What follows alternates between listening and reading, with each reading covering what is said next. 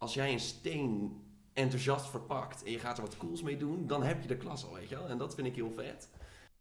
Dag allemaal en welkom alweer bij de tweede aflevering van Meester Podcastper. Een podcast over het hedendaagse muziekonderwijs. Als docent ben ik nog lang niet uitgeleerd en in deze podcast ga ik met anderen in gesprek over hun onderwijs en wat ik daarvan kan leren.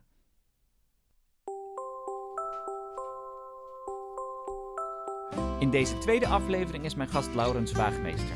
In 2017 is hij afgestudeerd op Codarts als docent muziek. Hij werkt op de Sint-Josefschool in Nooddorp waar hij alle klassen muziek geeft. Daarnaast is hij de Instagram-pagina Meester in Muziek gestart, waar hij zijn tips en ideeën deelt. Deze heeft ondertussen al meer dan duizend volgers. Ik ben benieuwd waar hij zijn inspiratie vandaan haalt en hoe hij dit toepast in zijn onderwijs.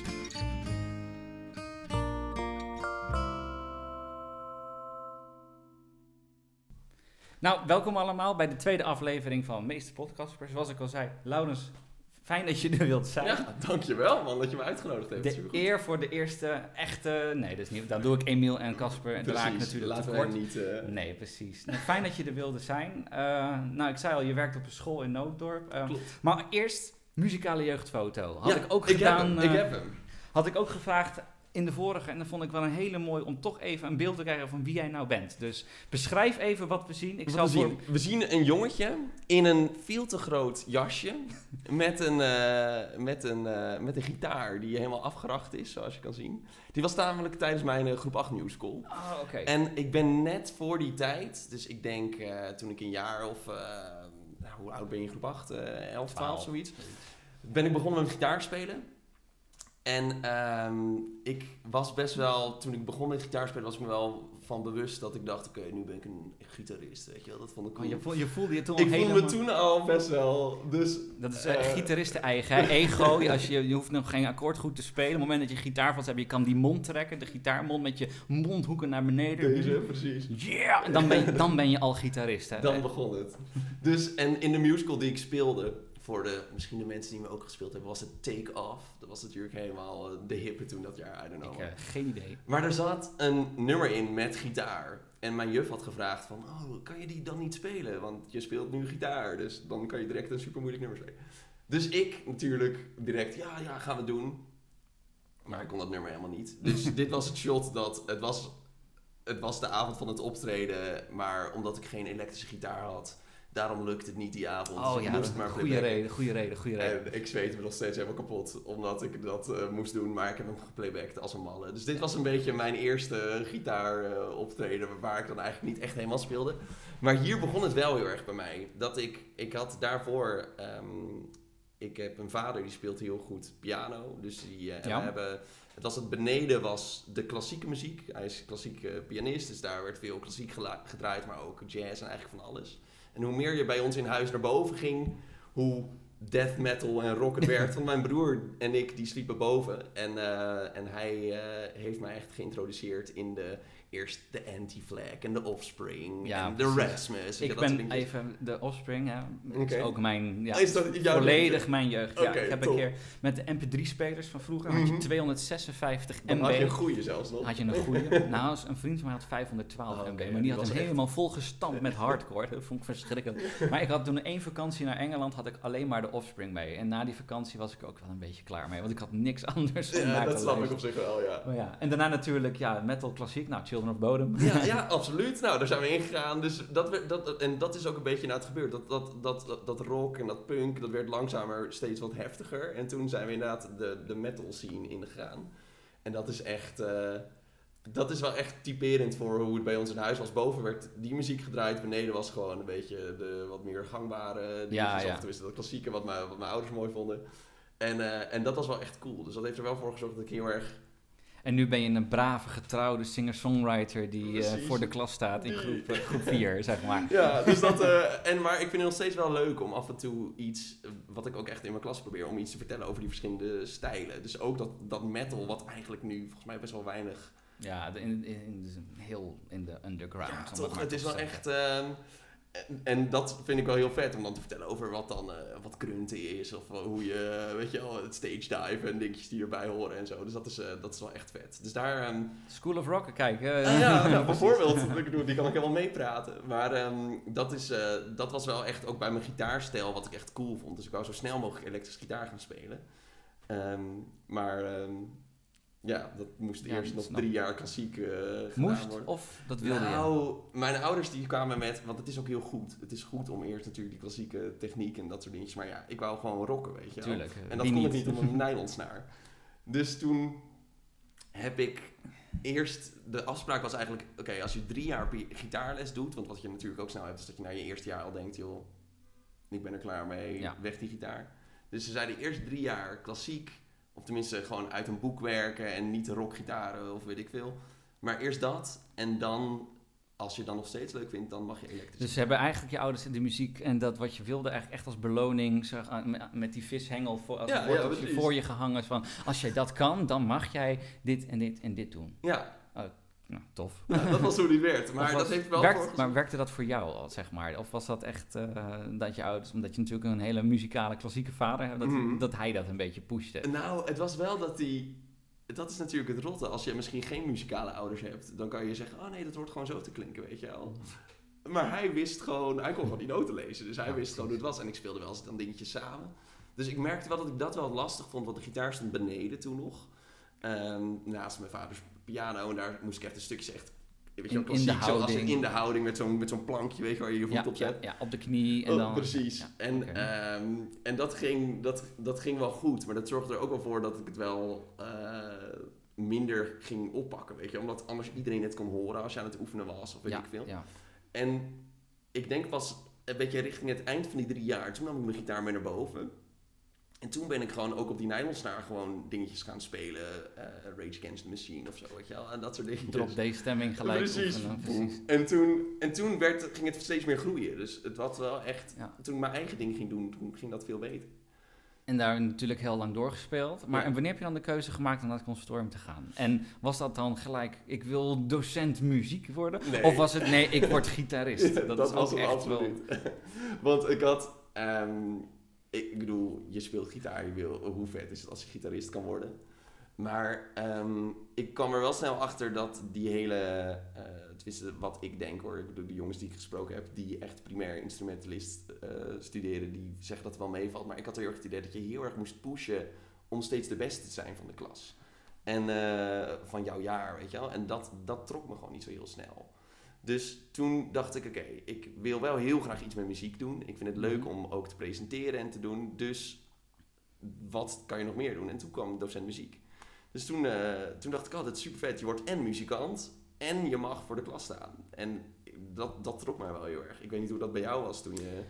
Poeh, ja, nee, ik heb echt een hele bewuste keuze gemaakt om naar eh, docent, om docent Oké, muziek te ja. gaan doen. Want ik, ha, ik vond mezelf altijd niet goed genoeg. Mhm. En dat was en het spelen en het theoretische gedeelte. Dan heb ik dus eerst een jaar muziekwetenschap gedaan in Utrecht, aan de universiteit, om dat nog een keer op te krikken.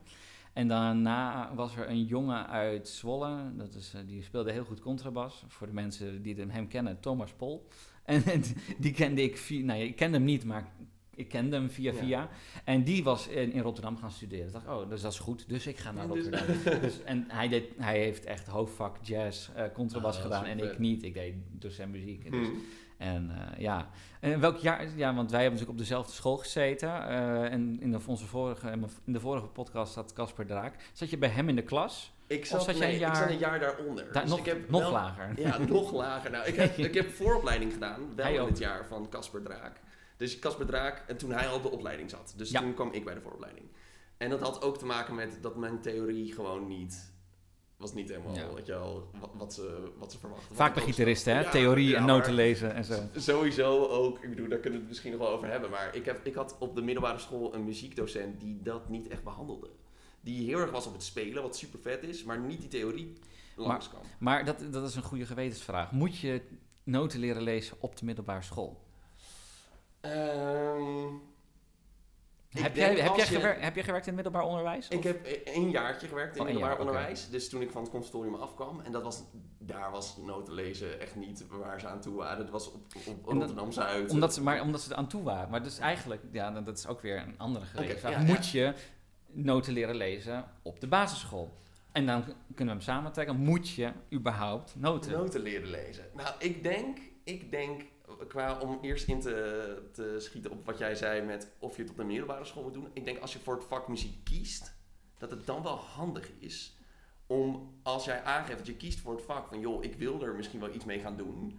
Wat ik bijvoorbeeld, als ik even naar mezelf kijk, wat ik wel echt aangaf bij mijn docent, dan denk ik dat het wel slim is om te zeggen, joh, hoe zit je in je noten lezen? Weet je, kan ik je daar misschien, misschien dan niet eens plenair met z'n allen in de les, maar kan ik je daar extra dingetjes voor geven, je wel? Ja. Dus dat- wel weer extra werk voor jezelf. wel weer extra werk voor jezelf, maar dat had mij misschien uiteindelijk wel heel chill geleken. En gewoon, dus je zegt, als ik het had gehad, dan had ik het heel fijn gevonden. Maar Ja, ja, en als je het Dat is bij natuurlijk aanbiedt... iedereen natuurlijk anders. En jij zegt middelbare school Rotterdam-Zuid. Dat is dan niet... Ja, is dat de doelgroep om noten te leren lezen of juist niet? Dat Ik- vind ik- jij, hè? Ik denk, ja, vind ik, nou, ik denk vooral dat het heel erg lag met... Ik, ik kwam net van het consultorium af en ik dacht, oké, ik wil gewoon vijf dagen werken. Ik ga gewoon, bam, gewoon knallen. Ik weet niet of dat... Dat is misschien een vrij unieke eh, houding, maar ik dacht, ik wil gewoon... Nou, dat is wel de, hoe, de snel, hoe de meeste PABO eh, of leerkrachten, zeg Mhm. maar, dus nee, oud-PABO-studenten, die gaan ook gelijk fulltime voor de klas. En dan hoor je en zie je in onderzoeken dat daar echt gelijk een bepaald percentage, ik durf geen cijfers te noemen, maar die haken af en die stoppen en die gaan überhaupt het onderwijs uit. Ja, want het, is wel, het was ook best heftig. Want ik, ik ging eh, nou, solliciteren in nieuwe scholen.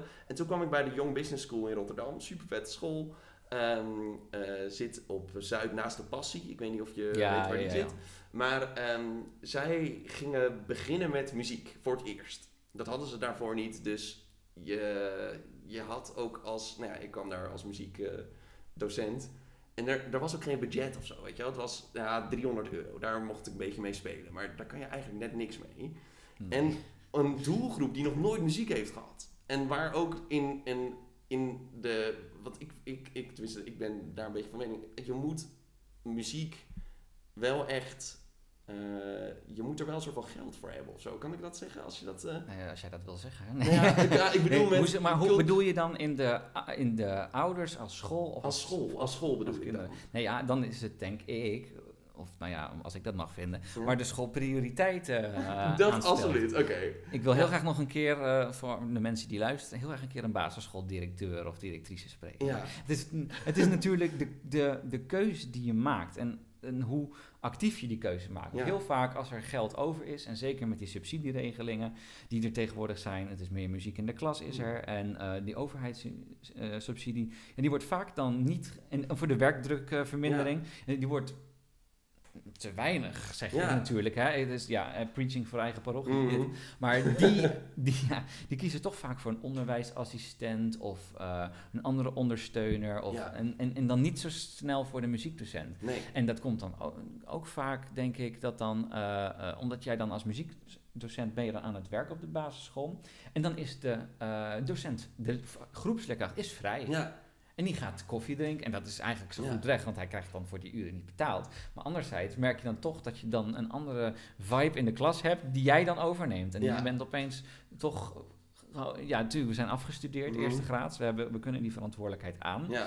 Maar ik heb zo'n verschil gemerkt voor verschillende klassen. Dat ik dacht van ja, die klas draait lekker. En hoe kwam dat? Ja, dat kwam omdat de groepsleerkracht gewoon af en toe ja. kwam kijken. Nou, En dat. geïnteresseerd was wat de En leerlingen niet gewoon deden. zegt, joh, oké, ik ben drie kwartier even, Vrij, even weg. sigaretje Ja. roken. Ja, maar dat, is, dat vond ik wel, qua wat jij zegt, met eh, je komt als muziek eh, leerkracht of vakdocent, dan als we even naar de, de basisschool kijken, was ik, had ik bijvoorbeeld één dag in Den Haag waar ik werkte op een school. Dan ging ik alle klassen langs. En dan ben je echt, Klinkt bekend hoor, dit. naast dat je gewoon in het team ook soort van voorbijganger 16 bent, weet je wel, die eigenlijk niemand, je hebt niet heel erg een connectie. Nee. Is dat met de leerlingen ook zo, weet je? Je spreekt ze niet even op het plein, of je spreekt, weet je wel, dus het is allemaal... Nee, klopt. En het, is, het is, heeft ook heel erg met de betrokkenheid Ja. te maken van de school en van, Ja. de, van de leerlingen. Van, je moet gewoon binding hebben. Je moet ze zien en, en Ja. proeven niet, maar je moet ze Je zien, moet ze echt, leren kennen. Je moet gewoon connecten, weet Nee. je. Dat is gewoon, ja. Om het maar zo te zeggen. Eh, Precies. Connecten. Connect. Nee, ehm, ja, nee, ja, dat is echt wel een, een goed punt eigenlijk, want ik merk dat zelf ook. Ik heb Ja. ook op, echt op, ik heb dat werk ook gedaan. Ik ben dan niet vijf dagen in de week begonnen. Mhm. Ik eh, had een jaar, ik ben eh, lang studeerde, wil ik nou ook weer niet zeggen, maar ik heb wel een jaar langer over mijn bachelor gedaan. En in het laatste jaar met de LIO-stage had je natuurlijk geen vakken. En daarin ben ik al wel twee dagen les gaan geven. Ja. Dus ik had eigenlijk een dag school op donderdag, dan twee dagen werk. En nog een beetje bijklussen met, eh, als, als eh, basgitaardocent Ja, ja. en zo. En da- daar redde je het wel van. Toen nog. en, ehm, eh, en daarna een dag erbij, want je had school ging weg. Toen was je wel afgestudeerd, een dag erbij, een dag erbij. En zo ben je er wel ingerold. En ik denk dat dat dan...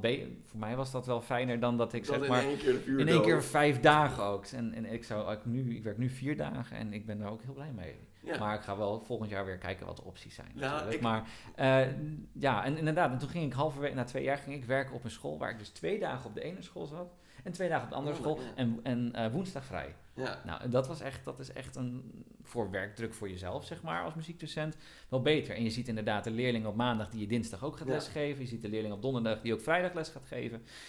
En die, ja, dat, eh, en toen ging ik daar een dag op allebei de scholen, eh, volgens mij, ja, ging ik een dag minder en dan ging ik ergens anders heen en ik deed een master.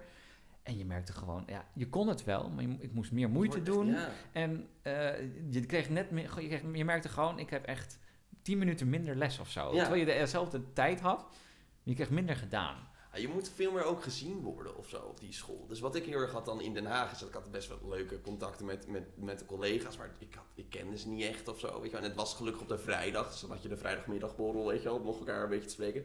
Maar bij de leerlingen was je niet, eh, en ik, ik zeg niet dat je misschien een begrip moet worden of zo, maar je was niet een super bekende. Je was, oh wacht, je- oh ja, we hebben vandaag muziek, weet je, eh, weet je dat. En ik denk wat jij zegt met die twee dagen, dat dat al super fijn is. En ik heb dan helemaal een luxe positie, want ik werk gewoon op één school.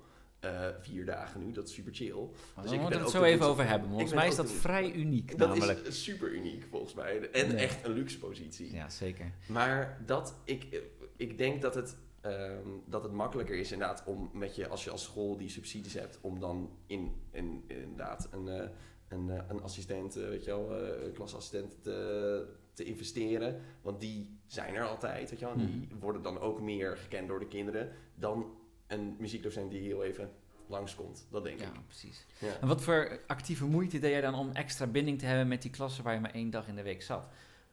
Nou, ik Misschien had, ook weinig. Misschien weinig, ja. Ik had één leerling. ik had één leerling. Ja, ja dat, vond, ik, vond ik heel leuk. En zij vond het wat minder. Nou ja, ze vond het eh, wel, wel grappig. Maar ik deed altijd, als ik in de gang tegenkwam, dan deed ik altijd of zij eh, in de weg liep. Van, nou, ga nou even aan de kant. En terwijl ik dan op dat moment zelf haar een beetje hinderde, zeg maar. Ja. En altijd, de, en dat heb ik echt drie jaar lang, ik heb haar best lang op die school Oh, gewerkt, ik heb dat drie jaar lang volgehouden. En in groep acht ik kwam er nog een keer tegen, en- want toen werkte ik niet meer op die school. En toen dacht ik, hè, nou, ga- loop je nou weer in dat is de... En, toen, toen- en, je zag, en je zag eerst echt de ogen echt naar het plafond rollen dat ze God kon zien. Zeg maar, oh. Ja. aan de andere kant moest je, zag je wel daarna een heel smiechterig klein glimlachje van... Oh ja, dat was altijd zo, want we hadden... En dat, dan denk je van, ja, dan heb je toch iemand in Hmm. de, in de, in de... Qua binding en qua betrokkenheid toch, dat je echt... Ja, toch een band met elkaar wordt Ik denk dat dat de juist ook het belangrijk is van docentschap. En het maakt niet uit of je muziekdocent bent of, of, of, of een ander vak geeft. Maar ik denk dat het, het allerleukste is dat je later mensen hebt en tegen kan komen die dan zeggen... Mr. Casper, weet je wel? Loop eens aan de kant. Je wel, Dat, dat idee. Dat, qua, dat, ze- dat je dan hetzelfde meisje tegenkomt terwijl ze wat ouder is. Ja, dat Ik- hoop ik. Maar Dat, dat, dat, dat, dat vind ik wel heel cool. Dat je eh, als docent, ik neem dan weer even het voorbeeld van mijn vader, want die is ook docent, Grieks en Latijn. Maar die komt gewoon overal mensen tegen die dan zeggen: Hé, hey, meneer Waagmeester, weet je wel. Mm. En dat, dat vind ik wel vet, dat je, dat je als docent gewoon heel erg een, een soort van stempeltje meegeeft van. is dat niet een deel van de reden waarom wij ook docent zijn Ik denk geworden? het wel, voor mij wel erg. Ik weet niet hoe dat bij jou heel erg was. Maar Het dat- is echt gegroeid, denk Ja. ik. Ik denk niet dat ik daar op mijn negentiende, toen ik ermee begon, mm, bewust van was. ja. Maar dat ik eh, later dacht van, oh, oh wacht. Daar kan je heel veel mee. En wij, ik zie het ook helemaal niet als lesstrijd. Het is, het is een spel die je een beetje Ja. met elkaar hebt. En de ene keer ben jij natuurlijk, de, omdat jij de docent bent, de, de aanwezige. Aan de andere kant geef je, ja, ik weet niet, een soort vraag-antwoord spel met de ja. klas. Nou, doe dan. Ja, precies. Die, doet- en En zo, ik ben ook heel erg van op die manier, zeg maar. Dat het van, eh, je, je wil het spelen, doe dan. Weet je, in plaats van dat we, nou, we gaan nu dit leren. Ja, dat doe dan. Maar heb je dat eh, ook bij, eh, bij, heel erg bij de middelbare klassen of juist bij de basis? Ja, ik heb heel weinig gedaan met middelbaar Ja. onderwijs. Ik heb daar stage gelopen. Mm. Niet, niet voor niks ook een verlengde stage voor gekregen en een jaar later afgestudeerd. Mhm. Maar ik dacht altijd, middelbaar onderwijs, dat, dat ga ik doen. En het viel Ja. me gewoon in het begin heel zwaar. Ja. En ik weet niet waar dat aan lag. En eerste jaar deed, deed natuurlijk, moest je verplicht, eh, wij althans, ik weet niet hoe dat op andere conservatoria is, maar wij moeten moesten, want dat is tegenwoordig ook weer Ja, het veranderd. gehoord, ja. ja, ja. Eh, eerste jaar was eh, basisschoolstage. Ja. En eh tweede, derde jaar was middelbaar onderwijs stage. En het vierde jaar was LIO en dan kon je zelf kiezen. Dus eigenlijk de, het accent lag veel meer op middelbaar onderwijs. En, eh, nou ja, en in de vierde, nou ja, dus niet de vierde, had ik dus een verlengde stage. en eh, hier in Schiedam trouwens, want we zijn in Schiedam, eh, Oh, beste nice. luisteraar. Op het, eh, hoe heet die school? Ik vergeet altijd. Spieringshoek? Spieringzoek, Nice, dankjewel. ja. Dat was. Gerben Lodder. Ja, is ik was bij de andere, Oh. Helma van der Wind. Dus dag Helma. Shout-out. Shout-out. Nee, ehm, en daarna kwamen er dus mensen van de SKVR. Want is, SKVR is een eh, instelling in Rotterdam Oh, ja. die heel veel eh, lessen organiseren op de basisschool. En he- zijn een soort kunstinstelling. En je Mm. kan er ook na schoolse dingen doen. Je kan cursussen volgen, ook in fotografie. Al- alles met kunst en ja. dat soort dingen. Ja. Die kwamen in de, in de, bij ons in de klas, bij de LIO, op, eh, tijdens, het, eh, eh, tijdens didactiek, zeg maar. En die ehm, zeiden van, ja, we zoeken mensen. En toen dacht ik van, nou ja, ik zoek wel werk. Want ik wil Hmm. eigenlijk niet meer bij de McDonald's werken. En, Wat je eh, ook hebt wat ik ook drie jaar lang heb gedaan, inderdaad. Op de Schiedamse weg dan weer. Oh, maar ja, het is vandaag thema Schiedam. ja? Het precies. We thema. komen er steeds terug. Ja, precies. En eh, nou, daar eh, toen dus bij de basisschool begonnen. En dat is ook in Rotterdam, Kop van Zuid. En op Mhm. twee scholen die heel dicht bij elkaar zaten. En die konden niet meer met elkaar verschillen. Het was dezelfde populatie. In de ene school, voor mijn gevoel, was die betrokkenheid er. In de andere Ja. school was dat gewoon lastiger. Ik, zou, Ja. ik, zou, ik weet niet of er andere dingen speelden. Het heeft er ook mee te maken dat ik daar ging werken terwijl ik nog in mijn eh, afrondende stage zat. Dus je weet nog niet alles. echt- Je leert heel veel op het moment dat je niet meer op school zit. Ja, ja. En ehm, ja, daar begonnen. Maar vier dagen in Nooddorp op Ja. het Sint-Jozef College. Ja. Hoe heb je dat voor elkaar gekregen? Nou, ik heb in die vijf dagen dus die ik ging vullen, had ik twee dagen op de Sint-Jozefschool. En dat was omdat daar een oude vakdocent eh, met pensioen zou gaan. En die zocht een soort van apprentice, weet je wel? Want hij had daar 40 jaar gewerkt als vakdocent, echt lang. Ik weet ook niet, ik wist niet eens dat dat toen al heel erg was, maar hij werkte daar echt al lang. En ehm, hij zocht dus, of tenminste de school zocht een nieuw iemand. En toen ben ik daar twee dagen gaan werken en dat ging echt supergoed. Het was heel fijn. En dat vind ik het fijne, denk ik, aan basisschool. Dat je, als jij een steen enthousiast verpakt en je gaat er wat cools mee doen, dan heb je de klas al, weet je wel. En dat vind ik heel vet.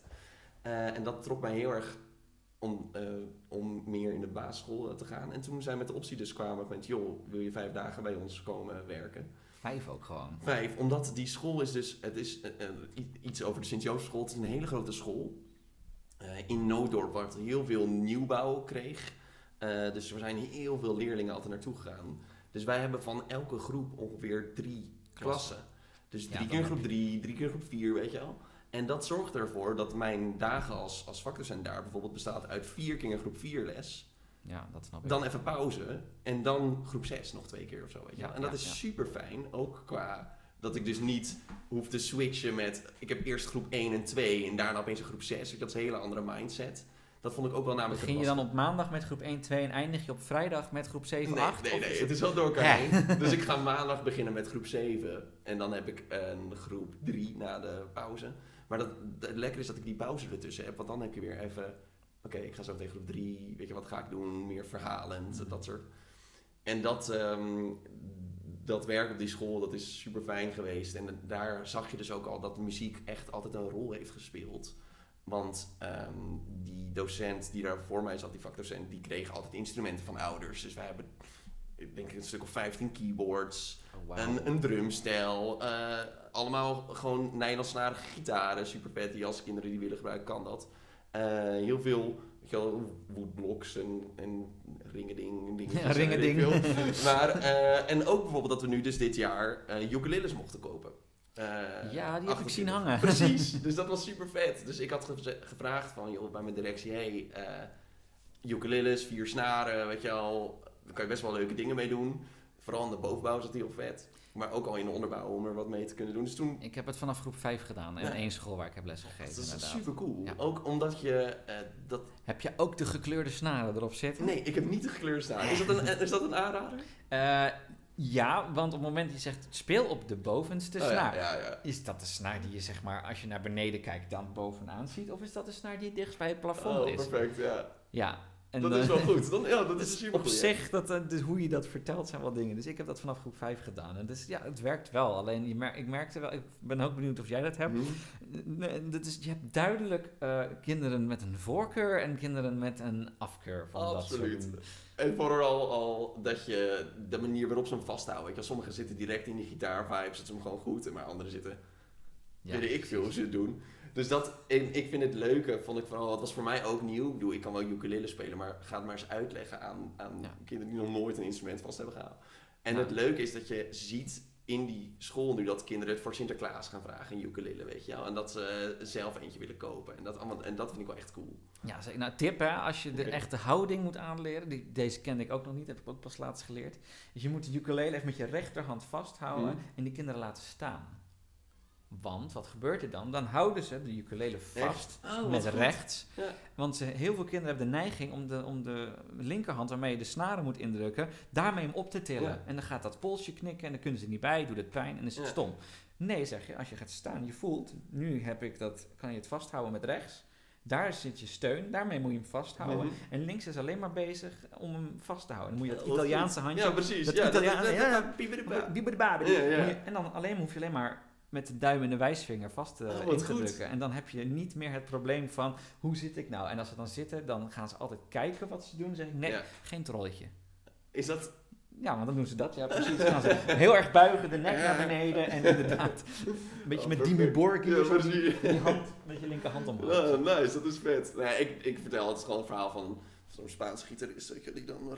Dat ze dat een beetje moeten hebben, dat ze hem zo vast, en dat werkt ook altijd De, de, komt toch weer die gitaristen-houding. eh, Tuuriem, het ego. dat klassiek wat ik al vast heb gehouden bij het begin. ja, precies. Maar ehm, ik vind dat wel heel vet. Dus ik, ik heb een, een school die, eh, en vooral klassen die dus niet bang zijn om te zingen. En dat, dat zet mij ook wel heel erg in een luxe positie natuurlijk. Want ik kan me ook heel erg voorstellen dat het trekken... Ja, nou ja, ik denk dat dat ook een goede realisatie is voor mensen die, eh, of scholen die zeg maar niet vast heel veel muziek hebben. Dat Ja. ze bedenken dat je, het, is een, het is een lange termijn investering. Mm, absoluut. Duurzaamheid, het is niet een leuk projectje van we doen het even drie jaar voor de subsidie en daarna doen we het anders, want dan gebeurt het niet meer. Of dat krijg je natuurlijk ook dat je drie jaar lang eh, in de, de juffen en meesters instrueert en daarna Ja. moet je Moet je, eh, weer, moet je het zelf gaan doen. Nou, en dan gebeurt het niet meer. En dan, en dan heb je geen duurzaamheid. En op het moment dat je het... En eigenlijk moet je het acht jaar een keer volhouden. Want dan Mhm. pas heb je een keer een kleuter tot aan Ja, groep 8 het mee laten maken. En dan merk je dat de cultuur voor, een, Ja. echt een cultuurverandering eh, op school is. Ik werkte inderdaad ook op die school in Gouda. Dat was ook een... ehm, eh, waar al veel vakdocenten hebben lesgegeven. Dus daar was muziek ook normaal. En dan Mhm. kan je echt zo in... Zeker met de 7-8, weet je wel, de probleemgeneratie. Ja, maar die het lastig vinden, die vooral die zingen stom gaan vinden, weet je, en Ja. de stem verandert eh, bij de jongens, dat soort dingetjes. Dat, dat, dat is best wel lastig om dan nog zingen te introduceren. En dat Ja. vond ik het vette, dat ze dat juist wel, wel vasthouden. Want hoe is dat voor jou bijvoorbeeld, Casper, dat je, je, geeft les aan Pabo. Nu geef ik Ja. les aan de Power-student, ja. En hoe, ik bedoel, die geef jij ook muziekles, maar dan moet ze het maar zo vanzelf gaan doen uiteindelijk of zo. Ja, dat is de, dat is de crux van het, eh, van het verhaal Ja. natuurlijk. En ik wil echt mijn Pabo-studenten niet afdoen als die aan het luisteren zijn. Maar, ah, en dat, wat ik zeg het ook heel vaak tegen, dus ze weten dit. Maar af en toe is het net groep 7. Ja. Ik zeg, oh, nu zijn jullie net groep 3. En, dat, want je laat, en dat is het mooie, je moet het eerst laten ervaren. En van wa- waarom je het doet, de verwondering. Waarom, Ja. En dan klank voor een betekenis, hè, toch even theorie erin gooien. KVB-model. Eh, de betekenis heel erg op gaan zitten. En dan draai je het om van, maar waarom doe ik dit nu eigenlijk? En dan kan je ze dan even door je leraarbril laten kijken. Van, oh ja, maar je wil dat je klas dit en dit en dat doet. Want je wil ze leren dat of dat of dat. Daarom heb ik nu gezegd, goh, luister even, zing het liedje even mee. Wees maar een krokodil. ja, perfect. En dan gaat er toch iets bij je aan. Ja. Of, je nou 6, 16 of 60 Ja, bent, precies. zeg maar. Nou, echt. nice. Nee, maar dat is wel echt, dat, dat vind ik wel echt goed. Want wat je vooral, je had het al even gezegd, maar je merkt vooral op scholen die geen vakdocent hebben, dat muziek gewoon snel een beetje weg wordt ge, gesjoemeld, weet je. Omdat het wel, je moet jezelf heel erg, volgens mij zei Emiel dat als, als tip bij je vorige podcast, dat iedereen soort van, het is heel erg kwetsbaar natuurlijk, muziek. Dus je moet durven, als jij zegt doe eens als een krokodil, dan moet je zelf ook een beetje gek doen, weet je Ja. dat. En dat moet je wel, Ja, dat punt maakte ik inderdaad toen ook, naar aanleiding daarvan. Van, en, en dat is misschien een goede tip voor als je de cultuur wil gaan creëren op je Mhm, basisschool. mhm. Ja, het begint bij de kleuters. Ja. Want daar is het nog normaal, die verwondering. En dan doen we het gewoon. En we, en we rollen over het, door het, ja, eh, eh, door het speellokaal. in de ruimte. Maar durf dat vast te houden tot aan groep 7, 8. En eigenlijk de rest van je leven natuurlijk. Maar ja, en dan is misschien wel een goede vraag. Maar wat is dan jouw lange termijn, of eigenlijk jouw lange leerlijn op jouw school? Van waar ben, Eh, wat bouw jij op bij de kleuters, zodat jij weet dat je wat je in groep 8 kan doen? Ik bouw sowieso echt een gruwelijke catalogus aan liedjes. Want we zingen echt veel. Dat is wat we. Dus, en dat is heel leuk dat je. Wij doen altijd op groep 8 kamp. Of tenminste, altijd. Ik ben nu eh, twee keer meegegaan. Maar die. ehm, eh, Die komen daar terug, zeg maar. die kan, al die nummers komen terug. Dus een soort van bundel mee met alle liedjes die ze hebben geleerd. En dan gaan we gewoon eindeloos zingen. En dat is super vet. Want met de groep 8 gewoon keihard zingen is zo cool. En ehm, dus ik denk dat ik, mijn... is Een lastige vraag, maar ik denk dat mijn leerlijn is dat eh, ze sowieso ehm, niet bang zijn om muziek te maken, weet je wel. Eh, geprikkeld worden met nieuwe dingetjes. Dus ik neem vaak nieuwe instrumenten mee of nieuwe muziekstijlen of nieuwe... eh, en dat ze daar naar op zoek gaan en dat ze dat leuk vinden. En ehm, vooral dat je er gewoon heel veel plezier uit haalt. Dus ik heb niet heel erg dat ik zit van oké, aan het eind in groep 8 wil ik dat ze dit kunnen of zo. Maar heb jij niet eigenlijk de perfecte school en cultuur gecreëerd om, waar we het eerder over hadden, Mhm. bijvoorbeeld wel met ze die noten te gaan lezen? Want jij kan ze vanaf groep 1 tot groep 8 Ja, zien. Ze hebben geen andere docent. Nee. Jij bent het. Even ervan uitgaan dat jij daar de komende 40 jaar ook werkt. Hè? Eh, maar, maar hoe zit het dan met de muzikale inhoudelijke dingen? Want ik hoor nu heel veel inderdaad eh, de idee, oh, de leuke, weet je, Ja, de leuke instrumenten en Ja, ja, zingen. maar wat zit er nou achter en wat leer je ze nou echt? Wat is die, dus de, gewoon het theoretische woem, eh, dat bedoel je, wat, wat, wat ik ze meegeef? Ja, maar ja, wat, wat leer jij hun eigenlijk muzikaal inhoudelijk? Want ik hoor nu eigenlijk gewoon, ja, we zingen liedjes. Nou oké, dat is altijd de basis, dat is de kap. Precies, dat, Zoals onze docent vroeger altijd zei, dat is de kapstok. ja, Ja. ja. Maar wat, Maar hangt, daar, wat, hangt, daar, wat hang jij daar aan? Ik hang Ben jij, bezig, ben jij, laat ik het zo zeggen, ben jij bewust bezig met beatontwikkeling bij kleuters? Of ben jij bewust bezig in groep 3, 4 om, eh, eh, eh, hoe heet dat, een moeilijk woord, polyfo- polyfonische activiteiten te doen? Dus Heel zingen en woord. klappen te doen. Ja, Ja. meertonige activiteiten. Ja. Dus en naast het zingen ook het klappen voor Het de klappen, mensen. ja. Of, of, of wat, wat zit erachter? Oeh, ik denk dat ik ehm, misschien als vakdocent niet daar super bewust mee ben met oké, ik ga ze dit nu leren. Maar als, waar ik wel erg mee bezig ben is met eh, bijvoorbeeld dingen als notenwaarde komen wel langs puls, heel erg dat ze dat ervaren.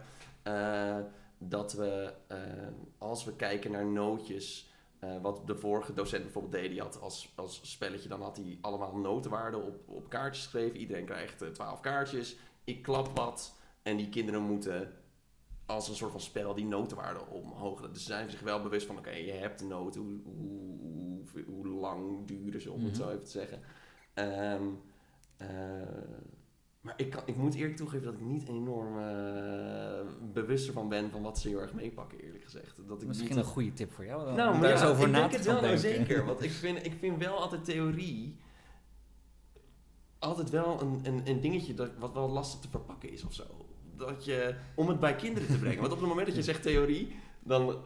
Ja, ik weet nog wel een leuke master voor je. Ja, ik meld het direct aan. ik wilde, nee, ja, ik, nee dat, is, dat is ook weer heel erg preaching to my own, Mhm, preaching to the choir natuurlijk. Mhm. Ik heb natuurlijk die Kodai Master gedaan Ja. in Den Haag en dat gaat natuurlijk vooral daarover. En de duurzaamheid van muziekonderwijs en spelenderwijs, inderdaad met kinderen Ja. bezig zijn om ook de muzikaal inhoudelijke dingen te doen. Want eh, ja, ehm, ik weet niet, ja, want wat ik hoor, ik, ik wil het niet Nee, nee, nee, doen en ad- even advocaat van de duivel even spelen, zeg maar. ja. Maar als je bijvoorbeeld denkt aan wat, wat ik je hoor zeggen, oh ja, en even een nieuw eh, eh, instrumenten laten zien. Dat is natuurlijk hartstikke belangrijk. Hè? Nieuwe stijlen vind ik hartstikke tof. Mhm. Maar ja, hoe introduceer je dat? Ga je het alleen maar over vertellen? Hoe laat je het ervaren? Mhm. En kan je er misschien activiteiten mee doen? Of eh, ja, weet je wel, dat, op, op die manier van hoe, wat, wat is de diepte, zeg maar, die je...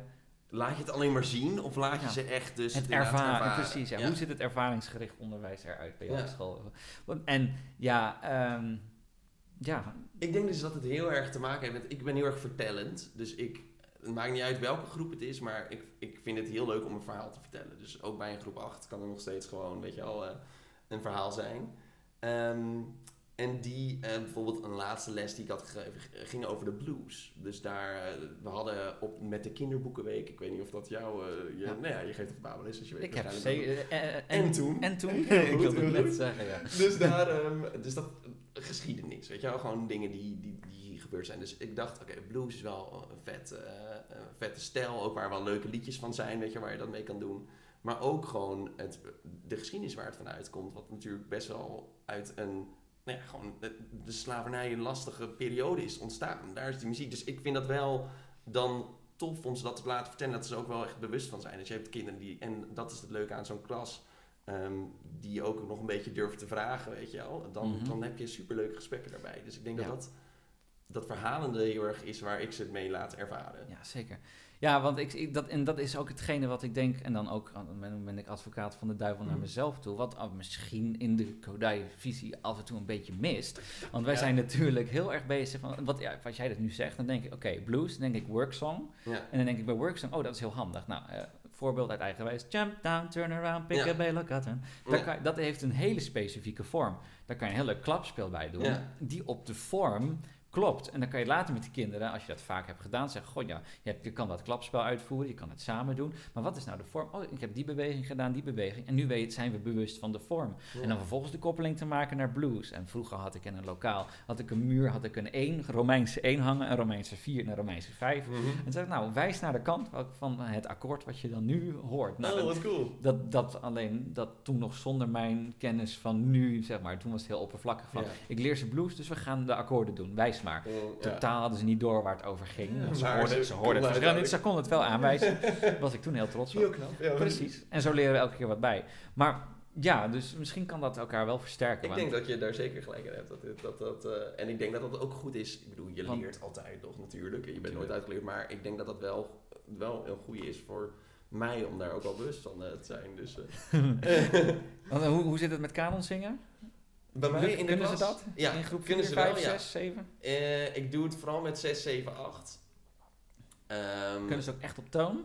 Of is het dat is wel lastig. En het wordt natuurlijk vaak dat je, ik doe de standaard, weet je wel. Als je je oren dicht doet, dan hoor je, weet je wel. En dan nee. Dus dat zijn, je, je hebt altijd de, de standaard dingetjes die... Oké, eh, dat mag ook, want het, het, het- dat is intuïtief voor die kinderen Ja. en dat moet je ze ook leren. Dus ik, vind, word ook, ik kan niet echt meer boos worden als een kind zijn oren dicht doet. nee. Ik denk altijd van, heb je er weer een? En dat is blijkbaar dus een manier van het ervaren. Maar het is en het heel en- en begrijpelijk. dialoog. want als er veel prikkels zijn, dan heb je dat kinderen altijd zitten... Oké, even, weet je ik moet me focussen op... Want ze, ze weten wel dat er een opdracht is.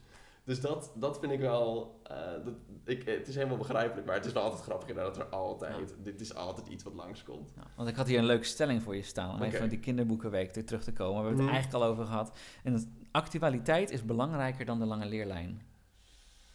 Ehm, ik denk dat actualiteit heel goed kan worden toegepast op je lange leerlijn die je uiteindelijk hebt. Dus dat je, ik, ik ben wel altijd een, een, een, eh, een docent die zich wel bewust is van, oké, welk nummer is hip nu, weet je, wat, wat wordt voor te veel gebruikt. Ja, maar moet je dus nummers kiezen die hip zijn? Want daar luisteren Nee. kinderen al Nee, naar. Nee, nee, dat hoeft dus niet. Maar dat is wel leuk om dat langs te laten komen. Dus bijvoorbeeld als ik eh, met ze ga bewegen op muziek, dus dat puls heel erg, en dat is opeens een bekend nummer, dan heb je alle leerlingen. Want iedereen denkt, hé, hey, weet je wel, dat... En ik denk dat je dat ook wel natuurlijk met een nummer hebt die ze misschien niet kennen. Ik bedoel, als ik Queen aanzet met Another One Bites the Dust, dat is super lekkere, weet je wel, puls waar je lekker op kan bewegen. Dat is super chill. En dat kennen zij direct. Eh, en dat is misschien dan niet helemaal in hun, dat, ze, dat ze het nummer kennen. Maar ik vind dat wel altijd leuk om mee te, mee te pakken. nou, dan het volgende, want eh, Oké. die daarop aansluit, want ik vind hier ook wat van. Van alle muzikale domeinen is zingen het belangrijkst. Nee, vind ik niet. Omdat je, eh, ik bedoel, het is, het is heel belangrijk en ik vind het goed ook voor stemontwikkeling dat, dat, dat leerlingen lekker in hun stem gaan zitten. Maar ik denk dat ehm, dat ritme, ehm, ik, ben, ik heb dat een beetje met, met ritme of zo. Ook omdat het het makkelijkste is dat leerlingen eh, wat ik op de basisschool gebruik. Want je kan je tafel gebruiken, je kan alles daarin eh, snel toepassen, weet je wel. En bij Ja. zingen moet je toch, als jij als docent dat eng vindt, bijvoorbeeld om te zingen, dan, dan sta je al met 1-0 achter, weet je wel. Je moet dan, ga je het bord aanzetten, weet je wel, dat, dat soort dingetjes. En ik denk met ritme, ik bedoel, of je, je kan, iedereen Dat is wel interessant, want jij denkt dus eigenlijk iets anders vanuit de docent dan vanuit de leerling. Want ik zou eigenlijk, persoonlijk, als ik als, ik als persoon, als muziekdocent, mezelf zijnde ga zingen met kinderen, of, of ritme wil doen met kinderen, doe ik dat vanuit een lied. Ze zingen iets en ze tikken zelf de ritme mee. Want dan heb je dus weer die polyfone activiteit, dus die meer, dat je meerdere dingen tegelijk doet in je brein. Ja. Dus ook nog eens een keer goed voor je, voor je, gewoon je ontwikkeling. Ontwikkelen, absoluut. Terwijl jij nu zegt, ja, ik jou isoleert het eigenlijk. Oh, ik wil nu iets doen gaan met Puls. En oh, dit vind, ik, dit vind ik een lekker nummer. En dat is ook mooi, want dan leren ze weer een andere stijl kennen. Mhm. Die zit weer heel erg op, zeg maar, eh, het stukje betekenis. Nieuw, ja, ja, ja. Precies, en de, en de nieuwe, ja, het is het nieuwe. En dan ga je die beat doen. Dus je zou zeggen, je, je moet ze combineren of zo. Dus zingen alleenstaand is niet het belangrijkste, maar het is belangrijk dat het gecombineerd wordt met anderen. Eh, Dat, zou- dat zou domein. ik doen, inderdaad. Ik zou altijd het com- een combinatie zoeken Ja. tussen de twee. En doe je dat dan, mm, doe je dat dan ook heel eh, eh, de auditief of visueel? Ik doe, eh, als ik, ik doe, we hebben het over, we hebben het hiervoor over filmpjes editen gehad, en weet ik veel wat. Als ik echt tijd heb, dan maak ik er echt wat vets van en dan wordt het heel visueel. Eh, dus Maar je geeft toch muziek? Ik, ik geef muziek, maar er wordt ook helemaal video edit. Maar er, weet je, wel, er, er kunnen eh, cijfers rondspringen of weet ik wat. Dat ze daarop moeten slaan. En dat het heel, eh, heel visueel wordt. En dat ze, Hey, maar hoe bedoel je ze- dat ze daarop moeten slaan? Eh, bijvoorbeeld als er een ster langskomt, dan moeten ze pam, weet je, moeten ze hem hebben, moeten ze klappen. En als er een, een rondje langskomt, dan moeten ze stampen. Weet je, dat Oh, dat, dat is meer dus een videogame. Ja, het is een soort van videogame. maar, Maar, maar is dat dan muziek? Ik denk wel dat ze, dat ze ondertussen bezig zijn met, oké, hoe is de van een nummer? Stelt ze het op een drum of zo, weet je wel, dat je dat, je dat hebt. Is dan, om, daar, om daarop in te gaan, is dat geen idee om gewoon vier keer een ster te doen op het ritme? Dat, ze da- dat je daardoor getriggerd wordt om met de muziek mee te gaan, in plaats van dat je zeg maar, ik weet niet hoe je het doet, Oké. dat je een barrage van kleurtjes op iemand afschiet. Want ik zie heel veel van die boombecker meespeelpartijen, Ja. dat ik denk, ja, dat is gewoon Guitar Hero. Ja, dat is helemaal geen muziek, ja. dat is geen, toch geen muziekonderwijs? Nee, dat is wel waar, maar het is wel denk ik hoe meer Guitar Hero het wordt. En dat is denk ik sowieso nu helemaal met tv en alles wat je ziet. hoe flitsender, hoe meer die kinderen. Ja, maar dan wordt het toch En gewoon, dan wordt het Dan dan... wordt het eigenlijk brainwash. Maar wordt het dan niet heel inhoudsloos? Alleen maar voor het visu, alleen maar om, eh, ja, weet je, voor de bühne. Het is leuk, kijk eens wat we doen. cool. Ja. Maar is het dan goed gedegen muziekonderwijs? Misschien wel. Misschien, ik, of ik denk dat je daar wel gelijk hebt. En ik denk dat. Ik bedoel, ik heb niet heel vaak zoveel tijd om zo'n flashy filmpje te maken. En dan zet ik het gewoon op het bord met, oké, weet je wel, eh, bijvoorbeeld eh, 1 tot 4. eh, oké, dat gaan we klappen. Ik haal wat weg. Ik doe, weet je wel, dat soort dingetjes. En dan zijn ze wel... Ik heb bijvoorbeeld ooit een opdracht gedaan met bekers. Die zet je eh, gewoon vier. En als je er eentje weghaalt, dan ben je stil, weet je wel. Nou, dus ja. die tel je dan niet. Maar dat is toch, dan, dan hebben we het, dat is heel weer heel anders. Ja, dan, Dan- is het wel dan een is het beetje back to daar- basic. de- Ja. Ja, want dat, dat, dan is toch, ja, dat, dat, dat, dat, dat, dat kietelt mijn brein toch van, van, Mm, van heel erg van, ja, maar dan ben je eigenlijk namelijk alweer aan het, dan, dat is echt een voorbereidende activiteit Ja. om noten te lezen. ja. Alleen je hebt het gewoon in de betekenisvolle realiteit voor de kinderen gezet Mhm. met bekers en je haalt één weg, dan speel je niet. Super logisch. ja. Terwijl, is, ja, dat vind ik wel weer mooi Dus, eigenlijk. dus dat, en dat vind ik ook wel heel vet dat je met, en dat heb ik wel echt geleerd. Dan ben je eigenlijk gewoon aan leren noten lezen. Ja, en, maar en op een hele simpele manier. Voor, eh, ik bedoel, iedereen heeft vier bekers, weet je wel, en ga het maar doen. En dat, is, dat, dat, vind ik Ja. wel, dat vond ik wel tof. Want ik heb een paar van die filmpjes bekeken natuurlijk op je Instagram. Want daar hadden we nice. helemaal niet, nog hadden we eigenlijk nog niet over gehad. Mm. Maar eh, meester in muziek, het meester in muziek was het? Eh, Meester in muziek, ja. Ga vooral volgen Want natuurlijk. hè. uiteindelijk word je een meester in muziek als je het volgt. Dat Kijk. was de, Goed concept. Nee, maar ik heb ook van vooral de didactiek eh, tips die je laatst gaf, die vond ik echt heel mooi. Van begin echt vanuit het verhaal. Nee, je zei het Ja. net al, hè, maar met het verhaal, dat is echt mijn ding. Ja, Ja. dat zag ik ook heel erg in terugkomen. Mhm.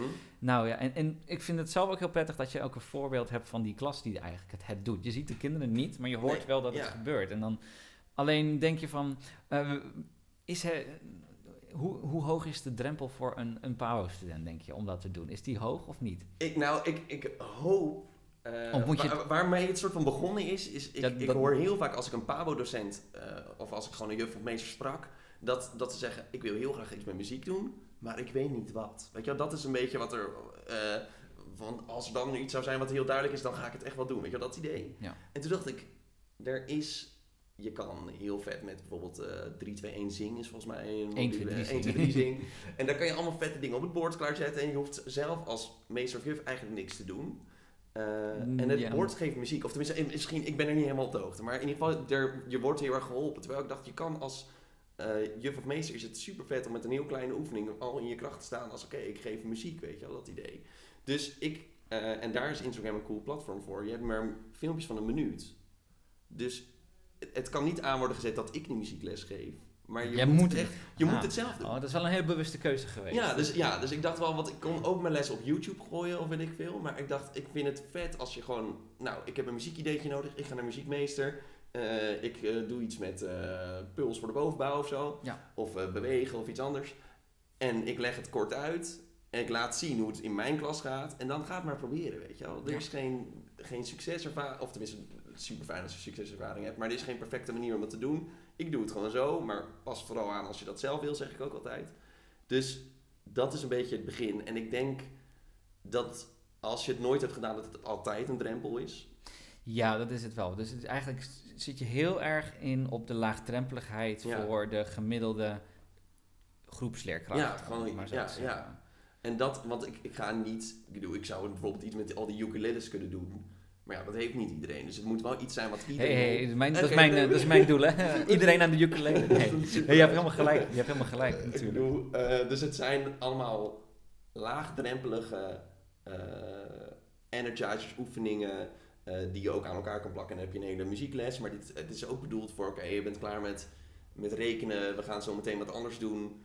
Even een energizer er doorheen en dan is iedereen, weet je wel, er weer bij. Dat is een beetje, dat was mijn, mijn, mijn doel om gewoon coole eh, en makkelijke oefeningen te maken die je gewoon snel kan toepassen. Dat was een beetje het idee. Nou, hartstikke goed. Dat Ja. is echt, eh, ja, dat, dat, dat is ook fijn, weet je wel. En natuurlijk is dat, en dat vond ik ook wel interessant, want he- er is natuurlijk in, nou, elephant in the room, Mhm. we zitten op afstand, in de coronatijd natuurlijk heel veel opeens gecreëerd. Ja. Dus op YouTube, op Instagram. Alleen jij bent eigenlijk net daarvoor begonnen, Ja, hè? dat is wel grappig, dat je eigenlijk, je was eigenlijk alsof jij wist dat dit eraan zat te Ja, nee, het was, eh, ik had, eh, ik had, eh, ik heb, ik doe veel dingetjes maak ik zelf of heb ik ooit een idee van iemand anders, maar dat geef ik dan in mijn eigen, in mijn eigen jasje. Ehm, en dat vond ik wel, ehm, vond ik zonde dat het gewoon op mijn computer stond en er niks mee werd gedaan. Terwijl ik dacht, eh, want José dan, mijn vrouw, die studeert nu ook aan de PABO. Die doet de verkorte uh, deeltijdstudie en die is nu bijna klaar. En die moest dan af en toe een muziekactiviteit hebben. En dan zei ik, ah, doe maar dit. Zij zei, oh, maar dit, is super makkelijk als ik dit aan het doen ben. Dat, dat, kan, dat kan iedereen. En toen dacht ik, oh, ik, ik, weet je wel. En toen ontstond het een beetje. Toen is het begonnen. Dus eh, ik ben heel blij met de reacties. Ik merk wel dat, het, dat je als muziekdocent, je pakt ook soms oude ideetjes en die, daar ga je wat mee Ja. doen.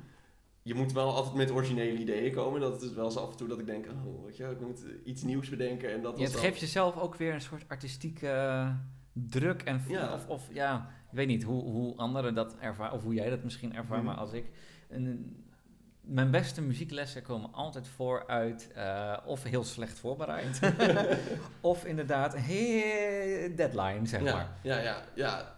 En ik vind wel dat, ehm, ik bedoel, het is heel lekker als je dus veel voorbereidingstijd hebt. Dan kan je van die flashy filmpjes of iets cools, weet je, bij maken. Ja. Maar ik vond, ik, deze energizers bestaan inderdaad van, oké, je moet tijd vullen. Of soms wel, eh, sommige zijn ook uit dat ik eh, eh, met mijn studie of andere dingen zat van, oké, hey, ga maar even, je moet toch wel even tijd vullen, aan de slag, had je dat idee? En dat, dat, dat is lekker inderdaad, dat je dat, en misschien is dat iets wat wij heel erg ook wel hebben van, oké, je kan snel wat bedenken en je kan snel wat doen. ja, zeker. En, eh, maar daarom is het, vind ik het dus vet dat, dat, ehm, dat ik dat kan delen met andere mensen. En dat het muziekmeester lekker loopt en dat het, eh, dat het goed Ja, gaat. ik merk, ik, als ik zit even heel erg terug te denken. Ik weet niet Mhm. hoe dat bij jou in de klas dan even terug naar de conservatoriumtijd zo was. Mhm. We hadden vroeger dan inderdaad, eh, inderdaad dat je af en toe een beurt kreeg voor de klas. En dan moest je een muzikale erva- of, Ja. eh, activiteit Ja. doen en zo. Ja, en die wilde je eigenlijk altijd hebben van elkaar. En ik weet nog dat er af en toe mensen waren, misschien herinner ik het me verkeerd, maar ik had dat, dat ze ja, nee, nee, dit is van mij. Weet je, terwijl eigenlijk is het toch juist de bedoeling, wij maken als docent iets juist om het te delen met iedereen. Absoluut, dat denk ik ook. Ja, ik heb geen mensen gehad die zeiden van, nou, ik, ik, ik, ik, eh, ik hou het bij me. Ik heb wel dat zo'n IP, dat heet een IP-beurt was dat voor de mensen die Ja, het niet... eh, dat is maar vorige podcast ook één keer voorbij gekomen. Een IP-beurt is dus inderdaad... Dat je voor je Instituutspracticum heet het klas... geloof Oh, ik. Goed, ik wist eens wat het Ja, ja, ja. betekent. is, eh, maar dat je het voor je klas moest doen. En ik vond het, ik doe, dat was altijd een succeservaring, want iedereen doet mee, weet je wel. En dat is helemaal niet wat jij zegt, van je gaat het meest leren nadat je van het conservatorium af Mhm. bent. Ik bedoel, niet iedereen doet altijd mee. nee, je moet wel... Hoe doe je dat dan?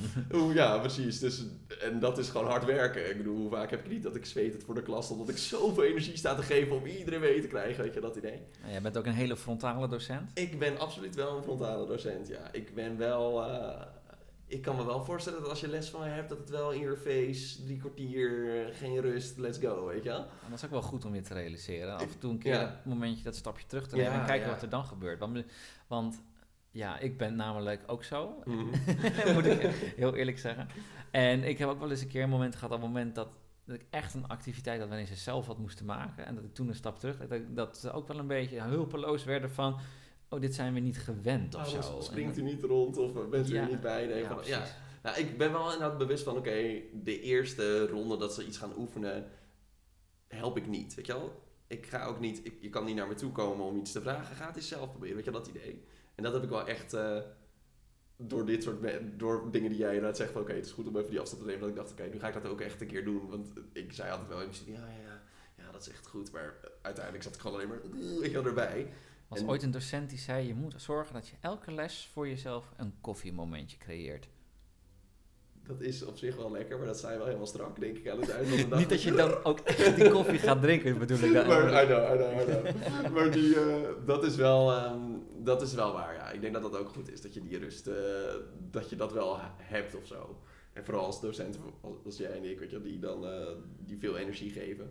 Wat ik ook, wat ik ook echt lekker vind. Want dat is gewoon hoe ik ben, weet je wel. Maar, Mensen zeggen, doe eens rustig. Nee, ik, Ja. ik ben in mijn, in mijn zone, in mijn flow. Heb je dan ook dat je, soms gaf ik dan wel eens lessen met dat iedereen een instrument heeft. En dan is het echt gewoon Kabaal. echt, echt een pleurenserie. Ja. Maar ik, dat, ik, dat dan docenten langskomen en jongen, dat je hierin kan werken. En dat ik zo zelf zit van, ja, Ja, maar dat, dat, heb ik, dat ge- gesprek heb ik te vaak Oké, die heb te- een- en, en dat is ook altijd het lastige wat je moet overbrengen aan eh, of je nou een docentencoach bent en eh, dat je ondersteunend bent of Ja. dat je eh, misschien nog studeert of zo. Maar je moet, je moet een andere tolerantie van klassenmanagement. Of nee, van chaos, een andere tolerantie van chaos. ja. En je moet gewoon kijken van wat heeft mijn klassenmanagement nu nodig? Wat Ja. is nu mijn klassenmanagement? ja dus, Moet ik nu inderdaad willen dat het helemaal stil is, wat je normaal doet bij een instructie van een dicté?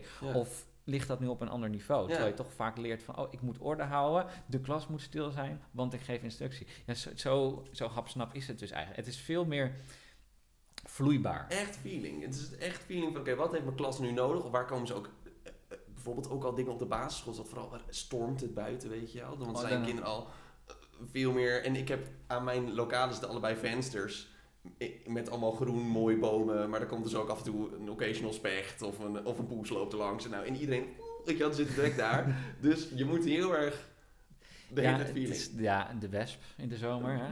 Oh man, yes. Sinterklaas komt er weer aan Ja, zometeen. Dat, ja. is, dat is, is toch echt altijd... eh, Dat is wel altijd, dus je merkt, je moet heel erg dat wat jij zegt, je moet heel erg die feeling of heel erg aan kunnen passen of zo. ja, flexibel zijn is Maar denk ook ik de dus grootste wel- tip.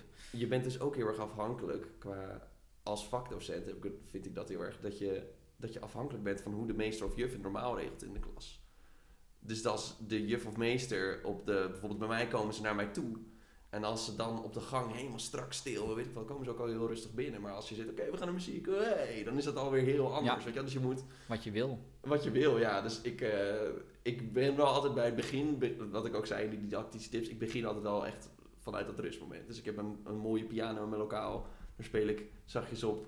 En dan heb ik een stiltealarmpje, een dingetje wat ik speel. En dan weet ze, oké, we gaan nu beginnen. Dan hoef ik het aan niet te zeggen, maar dan is het soort van, wordt het vanzelf, als het natuurlijk goed gaat. Want er zijn genoeg mensen die gewoon eh, nog steeds doorgaan. Natuurlijk. Wordt het vanzelf weer stil en dan, eh, dan ga ik beginnen. Dus dat is altijd wel, eh, Ja, wel lekker. dat is wel mooi en dat, dat gun ik iedereen. Dat je een muzikale manier vindt om het stil te, Ja. stil te maken. Of Ja, Zo, ik had zelf, ik had zelf in de laatste twee jaar van mijn basisschool eh, waar ik les gaf, had Mhm. ik, eh, heb ik zo'n zo'n launchpad, dat Arjen Lubach zeg maar ook super heeft. vet. En ik had dan zeg maar een, eh, een applausje als iemand had ik erin zitten. Oh, goed. en ik had er een krekel in zitten. Mhm. dat, dan, dat was het teken dat het stil moest zijn. Oh, ja. je, dat is krekel. alsof je een slechte grap maakt. Ja, weet je wel.